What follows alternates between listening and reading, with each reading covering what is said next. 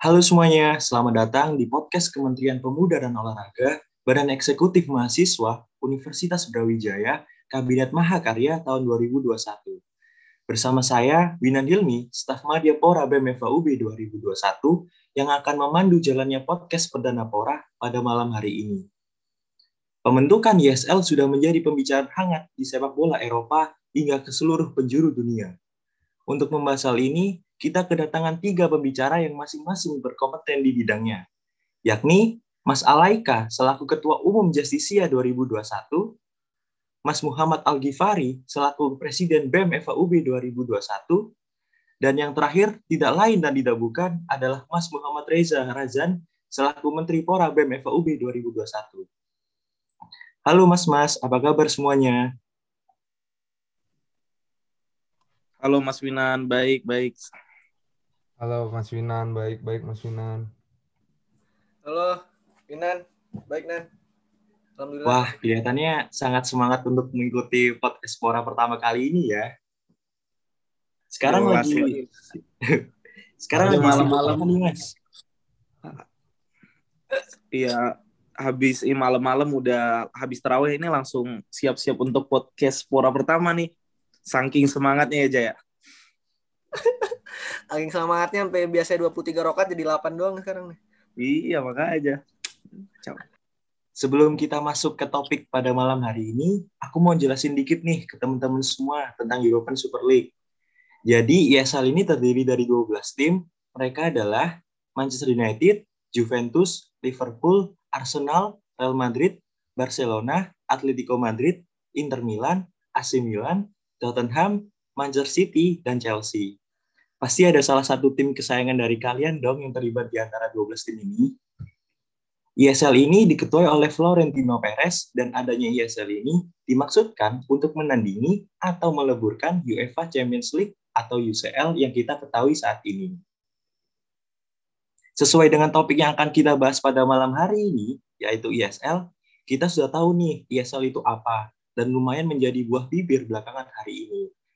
Aku mau nanya nih, menurut mas-mas semua, ESL ini termasuk dalam sebuah langkah yang progresif atau sebuah langkah kehancuran sepak bola Eropa? Mungkin Mas Muhammad Al-Ghifari bisa menjawab terlebih dahulu ya. Oh, dari saya dulu deh. Iya. Oh, uh, gini, uh, malam teman-teman semua ya. Mungkin kalau ditanya tentang, uh, ini menurut pandangan aku mengenai tentang perjalanan ESL. Yang tadi juga teman-teman sering baca apa namanya ada di timeline Instagram, Twitter mengenai tentang pembentukan ISL. Jadi kan pembentukan ini sudah mulai pembicaraan itu tahun 2009 ya kalau nggak salah. Pembicaraan itu udah lama dan memang uh, dari awal pembicaraannya ini ISL ini kan sebagai salah satu bentuk bentuk apa istilahnya bentuk protes terhadap UEFA dan FIFA tentang uh, penjalanan-penjalanan liga-liga yang ada di Eropa gitu. Nah, ISL ini kan sebenarnya kalau ditanya bagus atau enggaknya, kalau kita ngelihat uh, niat niat pembuatannya sebenarnya bagus dalam artian kan mereka ingin membuat liga yang lebih sehat dan kompetitif. Jadi kalau memang kalau membaca dari literatur uh, apa namanya di internet ataupun di uh, thread, uh, thread di Twitter orang-orang kan kita ngelihat memang banyak pandangan tuh. Terutama yang paling banyak ngomongin soal soal ISL ini salah satu orang ya salah satu influencer ya tentang bola di Indonesia ya. Coach Justin Laksamana kan emang udah mendukung itu dari dari tahun lalu kalau nggak salah. Dari tahun lalu dia udah gempor-gemporan ngomongin ISL tapi kalau dari aku sendiri ngelihatnya ISL ini uh, benar kalau uh, kalau uh, statement Florentino Perez bilang ISL ini bakal membangkitkan semangat anak-anak muda itu untuk mengikuti sepak bola. Karena memang tim-tim yang berkompetisi di sana tim-tim besar semua tuh 12 tim ya Arsenal masih masuk lah tim besar lah kalau kuliah lihat sejarahnya ya Alaika ya Reja ya. Untuk eh, apa? sejarah. boleh boleh. lihat sejarah boleh. Iya ini ya, masih besar itu Arsenal. Iya, iya. Makanya ada 12 tim besar dan itu memang tim-tim besar semua dan pemilik-pemilik timnya juga pemilik-pemilik yang emang udah terkenal dari dulu kayak Kongke, terus ada Big Nelly, ada juga Fiorentina Perez di situ kan. Itu emang ya istilahnya emang saudagar-saudagar kaya lah di sana. Nah, ESL ini kan mau dibentuk itu untuk apa namanya wilayah kompetisi yang sangat eh, sangat apa ya istilahnya dibuatnya itu benar-benar gimana caranya kompetisi yang memang bisa membalikan eh, apa namanya membalikan status finansial tim-tim tersebut. Karena memang yang paling terasa apa ya istilahnya terasa uh, rugi itu kita kalau ngomongin hak siar segala macam ini banyak pembahasan. Mungkin nanti bakal ditambahin sama Alaika sama Reja juga mengenai hak siar terus bagaimana pendapatan dan juga jadwal tanding itu semua itu merugikan banget. Bahkan uh, Tony Cruz juga pernah ngeluarin statement bahwa sepak bola sekarang itu sepak bola modern ini udah kayak perbudakan perbudakan modern udah kayak kalau kita lihat di isu nasional udah kayak kurir Shopee lah kayak gitu. Nah makanya ISL itu pengen dibuat tandingan. Tapi kalau ditanya pribadi ya pribadi, ISL ini bagus nggak sih? Sebenarnya kalau aku bilang ini, ngelihatnya itu tergantung. Kalau kita memang sebagai penikmat sepak bola di Indonesia, kan kita bilangnya bagus-bagus aja. Atau kita nggak ada hubungannya kok sama tim-tim uh, lokal di sana. Tim-tim lokal yang aku maksud itu kayak Leeds United, kayak West Ham, kayak Aston Villa, yang memang kita nggak ngelihatnya itu kayak tim kecil. Tapi di sana itu mereka punya uh, uh, base supporter yang banyak loh. Sama aja kayak contoh kalau di Indonesia ini, uh, uh, kita ngomongin kayak Perseraja Banda Aceh tim Aceh. Itu tim kecil nggak sih Liga 2 tapi kita lihat supporternya. Satu Aceh itu dukung Perseraja Banda Aceh. Gitulah sistem yang ada di Eropa juga sama kayak gitu. Kayaknya kalau me mereka memang pengen menyelamatkan uh, menyelamatkan sepak bola Eropa seharusnya langkah yang kalau mereka membuat sistem gebrakan baru harusnya semua tim itu dilibatkan. Cuman Florentino Perez kan memang pengennya progres lah. Nggak mungkin dia bisa ngejamak seluruh tim yang terdaftar di FIFA untuk ikut kompetisi yang dia buat kan nggak mungkin itu memang keniscayaan kalau menurutku. Cuman kalau aku bilang langkah seperti itu harusnya itu dipikirkan lebih panjang karena memang pembentukan dan juga e, istilahnya pemberbaikan sistem UEFA dan FIFA ini lebih urgent dibandingkan membuat sebuah sistem baru yang memang tidak menjamak seluruh tim yang ada di Eropa. Itu sih kalau dari aku. Mungkin bisa dilanjutkan ke pemateri selanjutnya. Mungkin Mas Aleka ya bisa menjawab. Oh iya, makasih Winan atas kesempatannya. Sebetulnya nggak beda jauh sih sama Givari. Cuman kalau sejujurnya, memang awalnya itu aku pro banget sebetulnya terhadap ESL ini. Kenapa bisa dibilang pro banget? Karena kalau kita main data ya, tadi yang bener Givari udah bilang sebetulnya, hadiah juara untuk ESL ini adalah 400 juta euro. Sedangkan di Champions League itu cuma 120 juta euro. Yang di mana kalau kita lihat uh, itu kan hampir empat kali lipat kan. Dan kebetulan aku kan juga fans Arsenal kan seneng gitu dengernya kan. Kalau misal bisa juara dapat duit banyak gitu bisa beli pemain banyak kan. Mantap Mas Aleka. Itu soalnya Arsenal aja kan sebenarnya ada pelit kan kalau mikirin pemain. Itu terus kedua uh, baru ikut aja nggak juara ya. Kita baru ikut aja kalau ESL itu itu udah bisa dapat tiga uh, 3.5 billion euro gitu 3,5 miliar euro. Itu baru sebagai permulaan yang di mana kan yang kita lihat sekarang klub-klub sepak bola itu sedang berjuang banget ya, apalagi ada pandemi COVID-19 ini, yang di mana pendapatan klub bola itu kan sebetulnya yang hampir besar itu kan yang paling besar dari penonton kan, sedangkan karena ada pandemi ini nggak ada penonton sama sekali gitu. Itu terus juga uh, pro-nya adalah aku uh, ini bakal duit banyak, pendapatan bakal banyak banget dari TV Kenapa bisa aku bilang dari TV itu bakal lebih banyak dari sebelumnya? Karena bakal ada big game day terus setiap minggu. Kayak mungkin nanti Real Madrid lawan Atletico, terus Atletico lawan Arsenal, Juventus lawan Milan, kayak gitu kan. Jadi bakal ada big game day terus setiap minggu. Kayak gitu sih. Cuman makin ke sini pada saat kemarin pengumuman uh, sistematika dan mekanismenya gimana, itu baru aku mulai kontra dengan ESL ini Pertama, eh, nggak ada degradasi ya kan dari 12 klub pendiri itu nggak akan ada degradasi selama 20 tahun jadi kekal. Walaupun aku fans Arsenal yang notabene seneng banget lah ya, nggak akan ada degradasi karena Arsenal nggak akan ke degradasi. Cuman ya baik lagi itu jadi kayak tim besar malah makin besar kayak gitu. Itu pertama dari kontra aku. Terus kedua kasihan juga tim kecil yang nggak bisa ikut yang tim besar, uh, yang tim kaya kayak Real Madrid, uh, terus Manchester United, Manchester City dan lain-lain bakal makin kaya gitu dan ngeraup untung besar. Itu kontra kedua aku, terus ketiga bakal ada uh, football will divided dalam artian bakal ada perpecahan di dunia sepak bola. Karena kan kita orang Indonesia mungkin udah pernah lah ya ngerasain langsung gimana perpecahan PSSI waktu itu. Dan kalau semisal UEFA dan FIFA yang notabene organisasi sangat besar terpecah kan juga jadi berasa juga gitu ke kita dan fans-fans sepak bola lainnya. Itu sih makanya kalau untuk sekarang aku rada kontra juga sih dan kebetulan kan Arsenal dan tim-tim Inggris juga udah pada cabut juga kan. Jadi ya aku tetap ngikutin tim aku sih Gunners. Jadi aku kontra juga sekarang sih. Kayak gitu Minan. Mungkin kalau dari aku. Nah, ini pendapatnya Mas Reza gimana nih? Mas Reza kan sebagai fans fanatik sepak bola, pasti punya pandangan yang berbeda nih. Mas Reza nih. Oke. Eh, aku sendiri kan eh, kalau buat teman-teman yang belum tahu aku ini fans Real Madrid kan, terutama dia yang jadi presiden ISL sekarang kan, Florentino Perez. Kenapa eh, sebenarnya kalau berbincang terkait eh, apakah ISL ini memberikan dampak buruk terhadap persepak bola Eropa maupun dunia itu ada dua sisi sih menurut aku baik pro maupun kontra. Pro sendiri eh, aku rasa mungkin beberapa fans dari 12 klub itu beranggapan bahwa sekarang benar yang dikatakan tadi pandemi melanda eh, pemasukan tiket, pemasukan merchandise segala macam itu berkurang. Tetapi gaji pemain tetap jalan, gaji staff apa terus eh, perbaikan lapangan segala macam, utang klub apalagi untuk beli pemain segala macam ditambah beberapa pemain masih ada yang belum kompromi untuk ngurangin gajinya. Contohnya bisa dibilang dari Madrid aja. Dari Madrid itu yang baru nge-ACC untuk eh, dikurangin gajinya 10 sampai 15 persen itu baru Toni Kroos, Luka Modric sama Thibaut Courtois. Sisanya masih belum, masih dalam proses. Jadi kan banyak juga sebenarnya beberapa pemain yang masih nggak nggak peduli terhadap timnya. Jadi aku rasa pro di sini kita emang lagi butuh. Apalagi Florentino Perez kemarin ngomong Madrid udah kehilangan 400 juta 400 juta euro dan emang terbukti udah ber- beberapa tahun ini Madrid udah udah apa namanya kurang lah dalam membelanjakan pemainnya. Jadi lebih fokus ke internal sendiri. Terus juga dibilang sama Laika tadi eh, konkretnya itu hadiahnya gede sekali kan. Hadiahnya gede, nggak juara aja juga udah gede.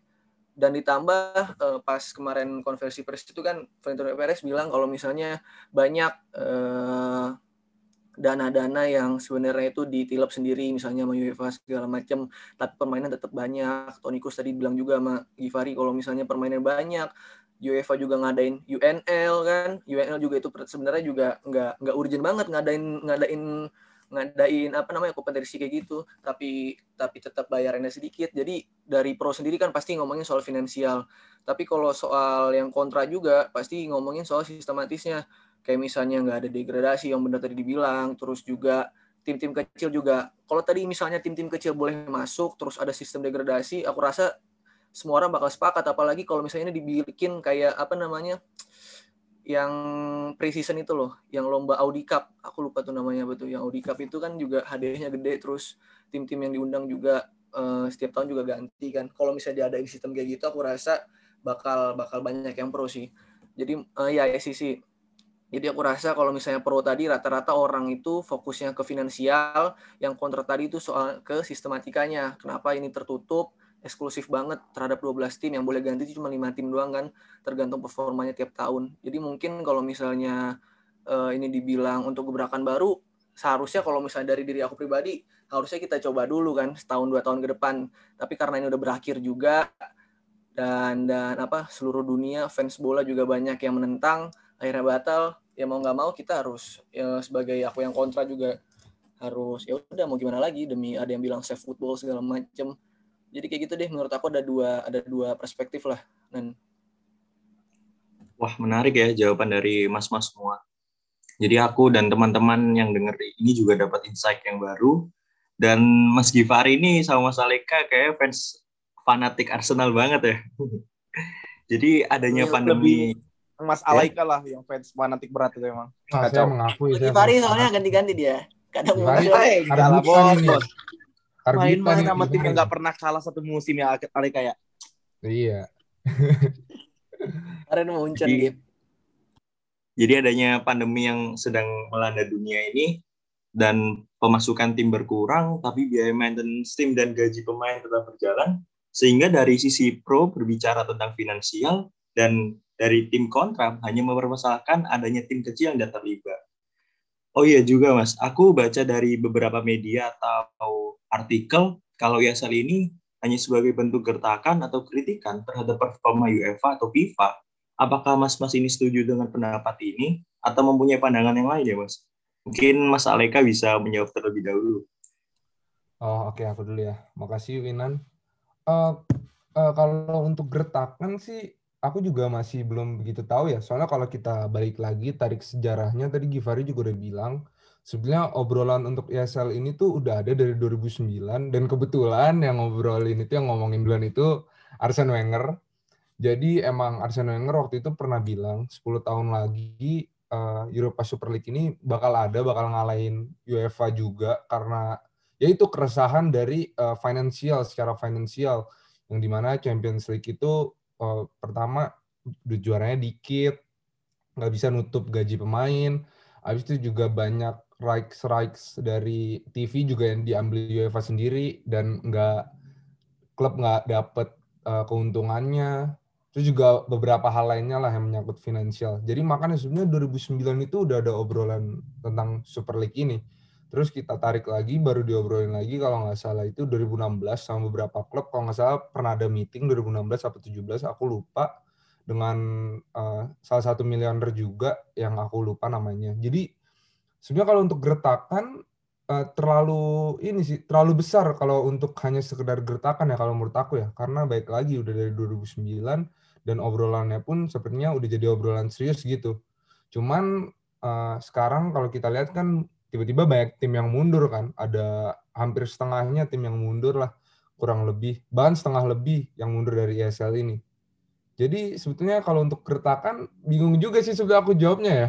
Karena kalau untuk gertakan ini terlalu besar, tapi kalau untuk bukan gertakan, kenapa tim-tim lain pada mundur? Gitu sebenarnya aku bingung juga sih, Winan. Mungkin Mas Reza nih bisa menjawab jawabannya dari Mas Aleka. Uh, tadi pertanyaan soal gertakan, ini gertakan apa enggak gitu ya. Menurut aku juga uh, melihat dari beberapa referensi bacaan ya, uh, itu aku lihat uh, kayaknya ini bukan sekedar gertakan sih. Ini beneran pengen direalisasikan. Karena juga uh, awalnya emang udah settle, bahkan even diancam nggak boleh main di World Cup segala macem itu Perez udah udah ngasih garansi kalau misalnya pemain-pemain mereka khususnya 12 tim ini nggak akan nggak akan ke band di situ terus juga tim-tim yang lolos semifinal kayak Chelsea, Real Madrid, terus PSG sama apa satu lagi apa Chelsea, Madrid, PSG sama siapa? Gue lupa. Barcelona. Oh, ah Barcelona. Oh, apa apa? Oh, semifinal. Semifinal City sama City, itu nggak akan nggak akan di apa nggak akan di band terus tetap bakal bakal dilanjutin kompetisinya nggak akan tiba-tiba PSG langsung juara jadi emang Perez sendiri udah udah ngejamin lah kalau misalnya bakal aman di bawah dia terus juga kan dia sempat bilang tuh sebelum eh setelah setelah beberapa setelah enam tim Inggris keluar dia langsung bilang juga kalau misalnya ada satu tim yang bikin uh, yang bikin pecahnya ISL ini. Ada satu tim dari Inggris yang bikin pecahnya ISL ini makanya beberapa beberapa tim langsung keluar akhirnya dan dan menyisakan terakhir itu kan tinggal Barca sama Madrid itu. Uh, gua rasa juga Barca kan lagi bener-bener butuh finansial juga. Dia belum lagi utang-utangnya kayak utangnya Neymar juga masih ada dituntut sama Neymar kan kemarin dia juga. Terus utang Griezmann segala macem. Madrid juga banyak uh, utang dan biaya. Jadi aku rasa ini lebih dari sekedar gertakan dan emang bener mereka lagi butuhnya butuh butuhnya duit lah untuk bayar seluruh uh, seluruh tanggungan yang ada. Jadi aku rasa ini bukan sekedar gertakan emang bener pengen direalisasikan. Tapi sayangnya aja warga-warga fans dunia ini nolak semua dan satu tim yang buat uh, owner ini dan bikin semua ESL timnya keluar jadi aku rasa ini pengen beneran direalisasikan tapi nggak jadi aja gitu. Hmm. Dan mungkin dari Mas Givari nih, selaku fans fanatik Arsenal, gimana Mas pendapatnya? eh kalau aku lihat sebenarnya ini bukan uh, kena uh, kalau ditanya gertakan atau bukan, Florentino Perez ini selaku ya selaku apa namanya orang yang memiliki uh, usung ini ya selain dibantu sama orang yang juga sangat apa namanya bekerja keras untuk terjadinya SL yaitu Big Nelly uh, yang punya Juventus mereka itu udah mikirin sejauh itu sejauh itu dalam artian kegagalan ISL berjalan aja itu kan memberi dampak kepada UEFA sama FIFA sekarang. Pendap, apa namanya pembentukan ISL walaupun banyak klub yang tarik diri itu kan ISL eh, akhirnya UEFA sama FIFA panik juga akhirnya dinaikin lah di Liga Champion beberapa hari yang lalu ya kan nah cuman yang kita harus lihat sebenarnya kalau ditanya gerak gertakan atau bukan gertakan yang dilakukan itu di tahun 2009 kalau 2019 eh kalau di tahun 2009 kemarin wajar kita bilang gertakan karena belum ada belum ada istilahnya konsepan mereka itu belum matang.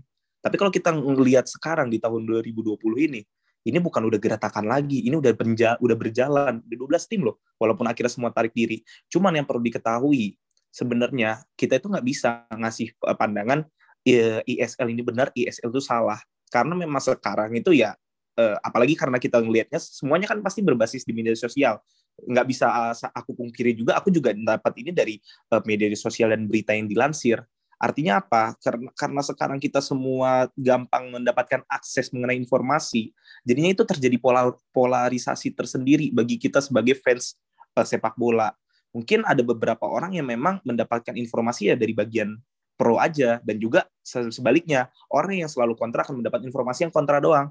Itu memang udah terjalan lah uh, uh, di masa-masa masa-masa teknologi udah maju kayak gini. Cuman yang paling penting, yang paling penting yang memang harus dilihat lagi, ada betulnya juga dampak dari penur, uh, penarikan diri klub di ESL apa coba? Pertama, uh, pemilik MU mundur diri, pemilik Juventus mundur diri. Tapi kalau pelat, uh, pemilik Arsenal, uh, pemilik uh, Man City, mereka itu nggak mundur diri karena memang pembentukan ESL ini nggak bisa dipegang sama orang-orang yang memiliki uh, istilahnya kalau dilihat dari uh, keluarga negaraan itu agak susah itu juga sempat disampaikan sama uh, si coach Justin ya walaupun saya kontra banget nih sama penyampaian coach Justin kemarin karena memang pandangannya sangat sangat kalau kalau aku pribadi ngelihatnya lebih sempit ke, kepada tim-tim besar. Jadi memang eh, apa namanya kalau kita lihat kenapa Florentino Perez, eh, eh, Big Nelly dan juga uh, ya dan Big Deal itu kenapa mereka yang bisa menjadi faktor utama dari ini semua? Ya karena mereka itu punya bisnis stabil dan eh, nggak uh, berada di negara yang sulit. Yang segala perizinan dan juga dampak kepada sistem uh, apa namanya sistem politik di uh, di pemerintahan mereka itu nggak berdampak. Coba kalau yang ngurusin apa namanya ISL ini krongke dia berhubungannya sama Putin dong nanti kan agak agak ribet gitu loh sama kayak uh, negara-negara uh, timur-timur lah itu juga agak susah Makanya kalau kita lihat sebenarnya ISL ini suatu hal yang positif apa yang negatif itu sangat bingung uh, sangat bingung dan puncaknya itu kemarin mundurnya uh, pemilik MU dan mundurnya pemilik, uh, pemilik Juventus. Dalam artian apa? Apakah mereka kan kita juga bertanya-tanya mundurnya alasannya kenapa? Apakah pemilik MU ini udah nggak sanggup untuk memimpin MU di uh, apa namanya liga yang penuh korup sama kayak pemiliknya Juventus? Juventus kan tim gede banget. Mereka ada Cristiano Ronaldo yang gajinya itu ya nggak setara sama gaji pemain Indonesia. Tuh kayaknya Liga Indonesia semua dikumpulin sama gajinya Ronaldo ya hampir setara lah. Kayak gitu kan bahasanya. Jadi kalau aku lihat uh, istilahnya kalau ini sebuah gertakan ini bukan sebuah gertakan, malah ini sebuah langkah revolusi bola yang memang dipimpin sama orang-orang kaya. Walaupun sampai sekarang kita nggak tahu nih tujuannya ini benar-benar tujuan yang baik atau tujuan yang untuk kepentingan-kepentingan orang-orang besar. Kalau menurutku kayak gitu. Ya, dari jawaban mas-mas semua ini, aku dapat pandangan baru tentang adanya gertakan dari ISL ini. Dan dari 2009 juga, hal ini juga sudah ada wacana dan dapat kita ketahui dari uh, hal ISL yang sekarang itu bukan cuma gertakan, tapi adanya statement dari Opa Perez untuk mengadakan suatu revolusi sepak bola.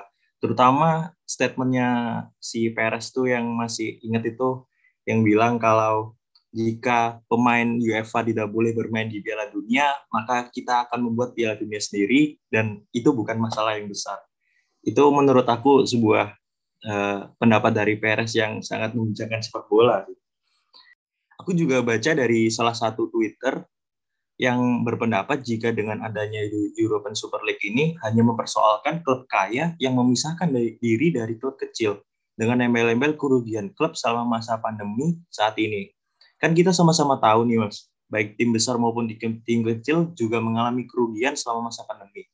Lantas jika hal ini benar terjadi, hal apa yang memungkinkan klub kecil untuk tetap bertahan di liga domestik masing-masing? Mungkin Mas Aleka nih bisa menjawab pertanyaannya. Wah, sebenarnya pertanyaannya cukup berat ya, gimana klub kecil bisa bertahan ya di klub masing-masing ya. Uh, uh, kalau untuk bertahan, uh, mungkin mereka sekarang lagi di ambang kehancuran juga kali ya, karena mungkin yang kita lihat kan klub-klub besar pun yang uh, notabene punya finansial yang cukup banyak, sekarang udah mulai runtuh kan, apalagi klub kecil gitu. Cuman kalau untuk bertahan, menurut aku biasanya klub-klub kecil itu kalau di IPL ya, seperti West Ham United, Leeds United, Everton, etc. itu mereka lebih memiliki fans yang lebih loyal gitu dibanding klub-klub besar. Jadi kalau menurut aku mungkin aku juga belum baca sih mengenai ini, tapi kemungkinan adalah klub fans-fans yang loyal, sangat loyal itu dan cukup fanatik juga pasti ngebantu tim-timnya sih. Belum lagi mungkin ada beberapa tim yang memotong gaji dari pemainnya dan pemainnya pun juga ya it's fine aja gitu. Karena kan tadi yang sebelum ini Reza juga udah sampaikan kan Real Madrid juga udah berusaha untuk memotong beberapa gaji pemainnya. Cuman ternyata cuma ada beberapa pemain doang yang bahkan masih bisa dihitung jari gitu yang mau untuk dipotong. Dan mungkin klub kecil juga melakukan hal tersebut, tapi bedanya adalah kan kalau klub kecil itu kita bisa bilang pemain-pemainnya adalah pemain yang uh, nggak begitu besar lah ya. Dalam artian gajinya pun juga nggak begitu besar dan mereka pun juga bermain ya kan karena love to play gitu, bukan bermain untuk uang juga gitu. Uang bukan satu hal yang mereka uh, tinggi-tinggikan lah seperti pemain-pemain besar lah ya. Jadi mungkin dari situ sih, dari pemotongan gaji pemain dan dari fans-fans fanatik serta loyal mereka sih kalau menurut aku Winan. Mungkin Mas Reza nih, selaku fans dari klub kaya, bisa menambahkan jawabannya nih. Tadi pertanyaan soal apa? Gimana cara klub kecil bertahan apa gimana sih? Ya, jadi apa yang memungkinkan klub kecil ini untuk tetap bertahan di liga domestik masing-masing? Oke. Eh, klub kecil juga kan uh, biasanya ini selain soal tiketing terus merchandise dia itu dia itu juga dapat bagian dari hak siar ketika bermain melawan big team biasanya kayak gitu misalnya kayak uh, siapa ya Brington misalnya lawan uh, Arsenal ya kan? Tuh. Lawan Arsenal. Nah pemasokan dari hak siarnya karena ada salah satu tim yang besar misalnya Arsenal itu bakal juga dibagiin ke Brington Nah itu salah satu cara mereka untuk dapetin uh, fee lah, fee untuk uh, klubnya juga. Terus juga uh, pemotongan bener, pemotongan.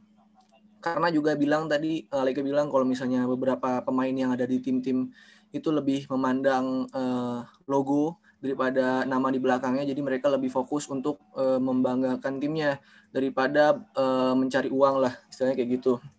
Terus juga uh, kita sebagai sebagai apa ya sebagai supporter lah. Kalau misalnya mampu kan kita juga berkenan lah harus membeli uh, merchandise yang mungkin lewat webnya atau enggak. Kita nonton dari uh, official media dari uh, klub kesayangan kita misalnya Real Madrid ngadain beberapa video terkait uh, apa namanya di YouTube itu kan juga ada adsense segala macam itu bisa membantu mereka juga Nah mungkin dari tim-tim kecil juga kayak gitu. Jadi uh, menurut aku banyak sih yang bisa bisa didapetin untuk untuk tetap menghidupkan uh, tim itu dari dari gejala finansial. Stream ilegal bahasa Arab lagi ya komentator. Mungkin iya, bisa di mana mana. Mungkin bisa dilanjut Mas Givari nih, fans fanatik Arsenal yang susah masuk Big Six IPL itu pertanyaan itu pernyataannya sebenarnya agak gimana ya saya dan Wah, saya, Mas Alika mendengar ya. Masa West Ham yang bikin iya memang Arsenal ya enggak dong. Arsenal memang sekarang saingannya ya sama Milan, Real Madrid kan kemarin udah masuk ESL ya. Ini ya, ini kalau menurut pandangan aku ya, sebenarnya untuk membuat tim bertahan itu gampang, eh, nggak gampang, nggak gampang. Kenapa? Karena harus ada budaya sepak bola yang berubah misalkan nanti ISL, misalkan ini ISL udah ditarik dulu, misalkan ISL maju nih, ISL dibuat sendiri, justru untuk uh, untuk nanti lokal lokalisir uh, per, uh, perligaannya, berarti nanti kan ada enam tim dari Empower Champions yang naik ke Liga Primer dong ya kan jadinya. Nah, gimana caranya? Berarti liga-liga ini mainnya kita sistem itu kontinental, di mana nggak ada lagi liga yang super. Liga yang super paling berarti kalau misalkan ya oke okay lah sekarang Bayern Munchen sama Dortmund kasih statement mereka nggak mau ikut segala macam. Tapi misalkan kemarin ESL berjalan itu nggak mungkin mereka bakal bertahan 12 klub dalam dua musim nggak mungkin. Pasti musim depannya masuklah uh, klub apa klub apa klub apa sehingga nanti sistemnya di antara semua kontinental itu nggak ada liga besar. Liga besar ter, terkhususkan sama ESL. Nah untuk kalau kita ngomongin tentang pendapatan sebenarnya dampak dari kalau misalkan kan uh, aku nggak berani ngomong juga ya korup FIFA UEFA segala macamnya karena memang aku sendiri uh, uh, itu kan mendengarnya dari berita dan eh, thread-thread Twitter yang aku nggak tahu nih eh, jaminan pastinya kayak gimana walaupun dilansir sama website olahraga resmi ya. Nah jadi kalau misalkan kenapa kenapa yang yang membuat ini klub besar karena klub besar yang paling terkena dampak dari uh, apa namanya laga-laga besar, laga-laga jadwal yang padat, lalu juga uh, apa namanya finansial yang nggak masuk uangnya uh, yang banyak itu gara-gara kita itu kalau uh, kita itu kan sistemnya itu nggak ada pembatasan gaji, nggak ada salary cap, nggak kayak NBA.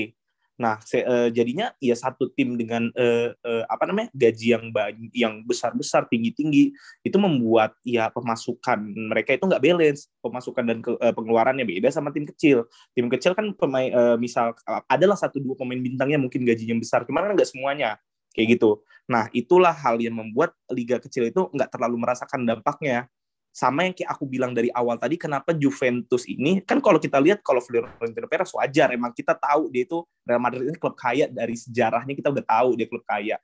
Nah, tapi yang kita lihat kenapa yang dari Juventus ini uh, pemilik Juventus ini Agnelli ini kenapa dia bersih keras banget karena kalau kalian perhatiin coba perhatiin nonton Liga Italia. Kita lihat gak usah jauh-jauh dari kualitas kameranya aja deh kualitas liga uh, liga Italia itu kameranya nggak sebagus IPL nggak bagus liga BBVA uh, liga Spanyol sorry liga ya liga Spanyol nggak sebagus liga-liga lain. Itu baru kualitas kamera. Belum lagi pembangunan stadion-stadion mereka perizinannya susah. Jadi wajar aja klub sebesar Juventus yang notabene pemain-pemain besar semua punya gaji yang besar semua itu pengen buat ikut liga baru dengan sistem yang lebih sehat dengan gaji yang lebih besar agar apa? Agar uh, financial balance di timnya itu ya terjaga Nah, kalau misalkan kita ngomongin tentang keselamatan tim-tim kecil, mau nggak mau harus ada budaya yang bergeser.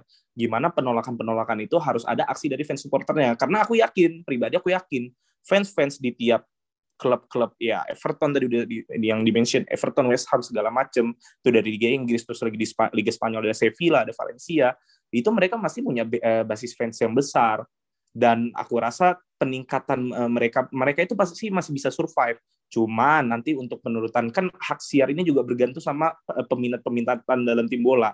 Kalau kita kasih contoh Barcelona, Barcelona kan yang nonton itu bukan orang dari Barcelona aja, bukan orang dari Spanyol aja. Bahkan di Indonesia pun banyak sekali fans fanatik dari Barcelona, banyak fans fanatik dari Real Madrid kayak gitu.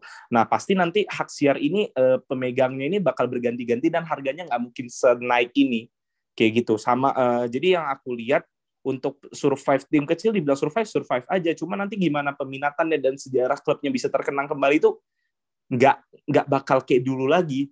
Jadinya terkotak-kotakan sendiri.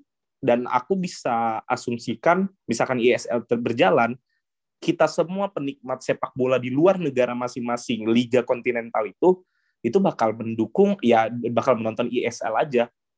Orang-orang dari eh, Asia misalkan orang-orang dari uh, Amerika Latin. Nontonnya nggak mungkin Liga Spanyol lagi ngomongin nonton Liga Inggris lagi pasti nontonnya ESL itu yang memang agak membuat mereka beratnya itu di bagian situ. Kalau untuk pembagian gaji segala macam kan uh, yang udah aku sempat kasih tahu tadi. Tapi emang pemasukan uh, pengeluarannya mereka nggak ada masalah. Cuma nanti pemasukannya yang sangat bermasalah. Kalau dari aku sih kayak gitu. Setuju dengan pendapat mas-mas semuanya sih. Kalau klub kecil itu mendapat keuntungan saat bertemu dengan tim besar UEFA kan juga melarang pemain dari tim yang berpartisipasi di ESL untuk ikut serta dalam kompetisi internasional. Itu artinya negara seperti Portugal tak akan diperkuat oleh Cristiano Ronaldo yang sekarang bermain untuk Juventus. Nah, jika ESL ini tetap ada, menurut Mas-Mas bagaimana pengaruhnya ke Euro 2020 yang akan diselenggarakan di tahun ini? Mungkin Mas Reza nih bisa menjawab terlebih dahulu karena Ronaldo ini kayak mantan terindah nih buat Madridista. Yo lah, ntar kan dia balik lagi tapi nggak jadi pemain, jadi pelatih atau manajer kan nggak ada yang tahu. Jadi uh, tadi kan aku udah bilang kalau misalnya soal band di UEFA apa Euro terus di World Cup terus di UCL berikut berikutnya tadi uh, Opa Perez itu udah udah bilang kalau misalnya dia ngejamin lah ngejamin kalau misalnya di pemain-pemain di 12 tim itu uh, buset buset buset jadi dia apa bakal ngejamin kalau misalnya pemain-pemain itu nggak akan ke band dan akan tetap ikut berpartisipasi di World Cup segala macam juga. Dan kalau misalnya pun uh, World Cup itu bakal dilarang untuk 12 tim ISL Perez kan juga udah bilang kalau misalnya itu bukan hal hal hal besar buat dia. Dia bakal bikin World Cup yang bakal jadi tandingan lah istilahnya kayak gitu. Jadi kalau misalnya dibilang soal kayak gini kan gue udah udah aku udah udah pro banget lah istilahnya sama Perez apalagi sama kebijakan tim kan. Aku bakal lebih pro ke mereka. Walaupun juga aku akan melihat juga sisi-sisi uh, sisi-sisi negatif-negatifnya. Tapi kalau soal yang tadi dibilang menurut aku nggak akan lah di band sama UEFA sama FIFA juga nggak berani lah mereka. Mungkin bisa dilanjut sama Mas Givari ya. Kayaknya Mas Givari punya pendapat yang lain nih so, so Madrid bisa menghargai pemain. Oh ya uh, kalau menurutku ya untuk Euro uh, ada kalau aku pribadi sih uh, pemain ini nggak bakal dikasih ini nggak bakal dikasih apa sih namanya misalkan nanti mereka nggak main itu bukan salah mereka. Maksudnya dalam legal standing yang mereka kan nggak diperbolehkan untuk main. Bukan mereka nggak nggak mau main di Euro ya kan? Nah nanti untuk persaingan Euro ya pemain-pemain ya pemain-pemain bintang yang berpartisipasi berarti kan pemain-pemain yang di luar ISL. Tapi kalau yang kita tahu kan pemain yang pemain bintang yang main di ISL dan main untuk membela negaranya banyak banget, Bro. Di ISL dari 12 tim itu. Bahkan pemain-pemain cadangan dari Real Madrid pun aku rasa banyak juga yang main di timnas utama kayak gitu. kan kalau aku ngelihat uh, perjalanan Euro segala macem uh, itu terbebani terbebani pasti. Cuman yang menjadi hal yang hal yang kita takutkan juga mengenai bagaimana uh, apa namanya regulasi regulasi dari negara juga ter, apa namanya kan kalau kita ada PSSI dan di negara-negara ini kan pasti ada persepak, eh, persatuan sepak bolanya di tiap-tiap negara. Nah, itu yang bakal jadi hal yang agak jadi momok momok juga. Kenapa? Karena misalkan si Florentino Perez ini pengen ngebuat liga baru, liga Euro baru misalkan, itu jadi hal eh, yang timbul pertanyaan juga apakah nanti itu bakal bisa membuat perpecahan di tiap-tiap negara juga loh. Dalam artian misalkan Euro juga bakal punya tandingannya Euro, Piala Dunia punya tandingan juga terhadap Piala Dunianya FIFA. Nah, itu kan juga eh, eh, pihak dari pemerintah bakal sulit untuk kita mengikuti yang mana. Kalau misalkan emang bener ISL dibuat seradikal itu ya, itu bakal ada perpecahan terbesar di dalam dunia sepak bola. Kalau dari aku sih kayak gitu. Bisa dilanjut sama Mas Aleka ya? Eh, Mas Aleka setuju atau punya pandangan yang lain dari pendapat Mas Reza dan Mas Gibari? Nah, oke. Okay. Sebetulnya aku setuju sih sama dulunya tadi sudah ter ini juga cangkup juga. Cuman mungkin mau menambahkan aja. Uh, aku sih mungkin lebih condong ke Reza ya setuju ya karena menurut aku juga nggak mungkin sih uh, pemain-pemain ESL ini uh, nantinya bakal di ban di negeri, negaranya masing-masing pertama itu kan merugikan negaranya juga ya sebagai gimana kalau kita pemain timnas itu kan itu kan bawa negara kita juga kan. Dan negara juga contohnya negara Brazil, Portugal, Portugal deh contohnya Portugal yang Euro nanti itu kan bangga banget dengan prestasi sepak bolanya kan. Jadi itu pertama pasti FIFA dan UEFA kalau emang mau ngeban uh, pemain-pemain yang main di ESL buat nggak bisa main di Euro itu bakal ditentang banget sama banyak, banyak, banyak negara. Itu pertama Habis itu kedua menurut aku dari rating TV lagi sih eh, UEFA kayaknya juga nggak berani deh. Pasti karena rating TV-nya kan bakal turun tuh karena pemain-pemain hebat baik yang nggak main kan. Apalagi salah satunya negara Inggris tuh yang di mana kan hampir semua pemainnya itu yang Big Six itu kan. Dan kalau emang Big Six semua nantinya main di SL, berarti negara Inggris ya yang main hampir dibilang hampir nggak ada gitu, dikit banget. Bahkan mungkin yang main nanti bakal U20 atau U23-nya pemain-pemain mudanya kayak gitu sih paling kalau dari aku Inan. Belum ada seminggu juga ESL ini udah dibatalkan dan hanya bersisa Real Madrid dan Juventus yang bertahan. Tapi banyak juga yang memandang ESL ini hanya sebagai pengalian isu perubahan format UCL dari 32 tim menjadi 36 tim. Dan tidak dipandang oleh football fans layar kaca dan malah football fans layar kaca ini mempermasalahkan ESL Oke, dapat kita simpulkan bahwa peristiwa ISL belakangan ini tuh menimbulkan beberapa kritik, saran, bahkan pro dan kontra yang dapat kita ketahui. Bahkan dengan adanya ISL ini dapat memberi masukan kepada UEFA agar lebih transparan dan lebih mengutamakan sepak bola di atas segala keuntungan. Agar kita sebagai penikmat sepak bola tidak memandang football create by poor, stolen by rich. Terima kasih kepada mas-mas semua yang telah meluangkan waktunya untuk menjadi pembicara pada podcast Spora malam hari ini. Saya Winan Hilmi, selaku staf Media Pora BEM FUB 2021, pamit undur diri. Sampai jumpa di episode selanjutnya. Bye-bye.